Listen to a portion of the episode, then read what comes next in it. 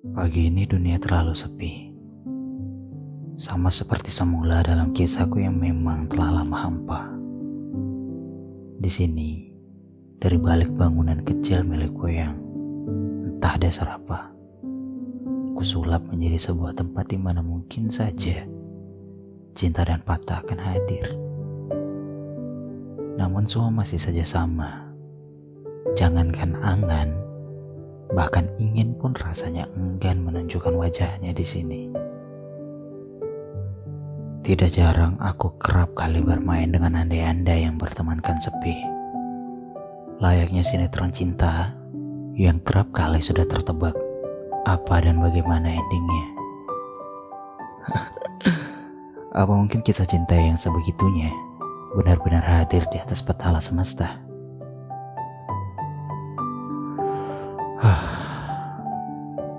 Saat ini sudah malam.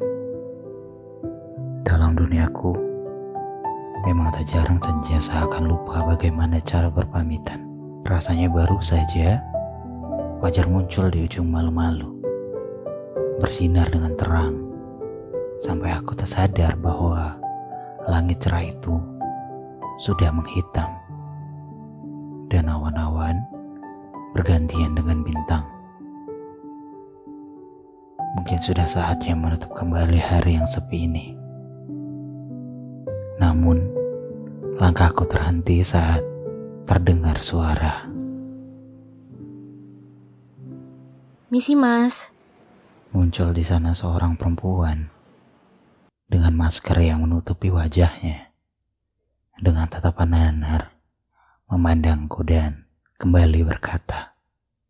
Masih bisa? Eh, uh, tapi kita udah closing, Mbak. Oh, gitu. Ya udah, makasih ya, Mas ya. Uh, mau pesan apa? Boleh. I iya, boleh, Mbak. Tapi saya belum melihat menunya. Oh, iya. Silakan masuk, Mbak. Oke. Ini menunya, Mbak. Seingatku, Malam itu suasana cukup sepi. Namun sepertinya aku mendengar senandung merdu di ujung telingaku. Dan perlahan waktu seakan-akan melambat. Hal ini mampu kulihat dengan jelas karena kulihat gerak-geriknya yang mendadak perlahan. Sial, panah cepit baru saja mengenaiku menimbulkan sensasi menggelitik dalam perutku dan mempercepat detak jantungku.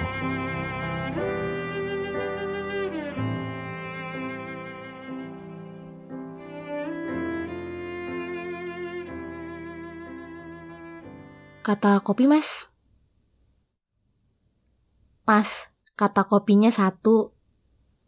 Uh, maaf maaf mbak. Uh, kata kopi satu ya? Iya. Atas nama siapa?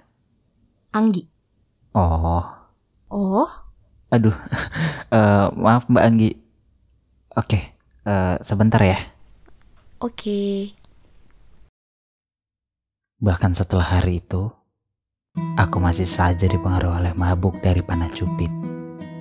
Entah mengapa pagi ini terasa matahari begitu hangat. Yang tanpa ku sadari, ujung bibirku meruncing ke atas yang membuatku tersenyum. Hari ini aku tidak lagi berandai-andai menjadi pelakon cinta dalam sinetron.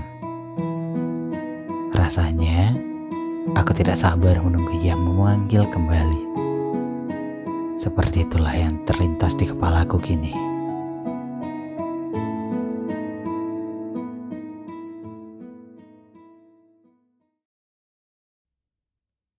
Rupanya, menanti bukanlah hal yang asik.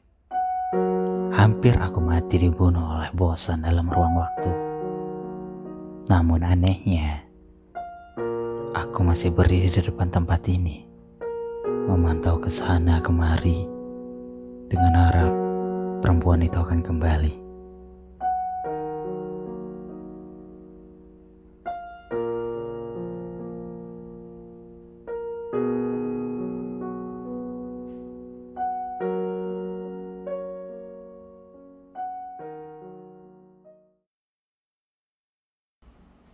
Misi mas, Eh, Mbak Anggi. masih bisa mesen gak? Maaf ya, saya datangnya pas mau tutup soalnya emang baru selesai kerja jam segini. Iya nggak apa-apa kok Mbak, nggak apa-apa.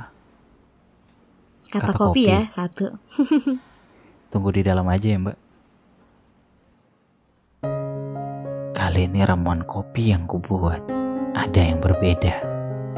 Aku yang tidak bisa fokus karena eksistensinya mulai mencuri pandang, melempar senyum, memupuk harap yang mungkin saja akan berbuah manis.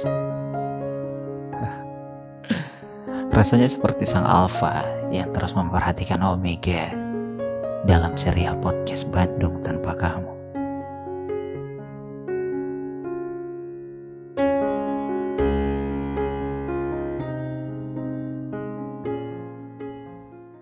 Mbak Anggi, kata kopi satu. Makasih ya mbak. Saya yang makasih loh mas, masnya tetap mau buatin padahal mestinya udah tutup. Iya nggak apa-apa mbak sama-sama. Ya udah makasih ya mas. Iya mbak.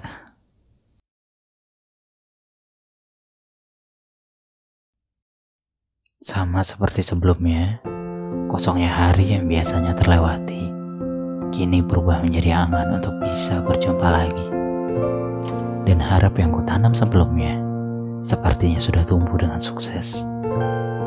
Hal itu terjadi karena hanya dengan mengingatnya, mampu membuatku tersenyum hingga suatu kali dia kembali hadir.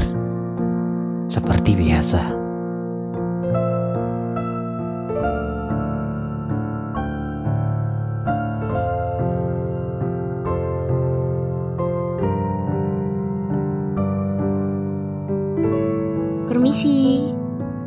Kata kopinya dua.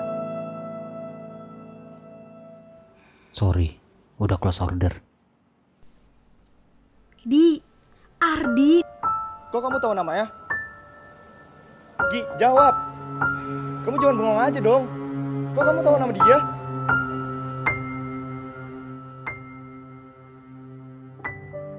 Saat itu jelas sekali terasa bahwa patah hati adalah hal yang pasti dalam sebuah nanti. Beratnya mencabut harap yang telah tumbuh subur karena hadir di lahan yang salah selalu menyisakan luka. Sampai di sini aku paham bahwa tidak semua bisa menetap.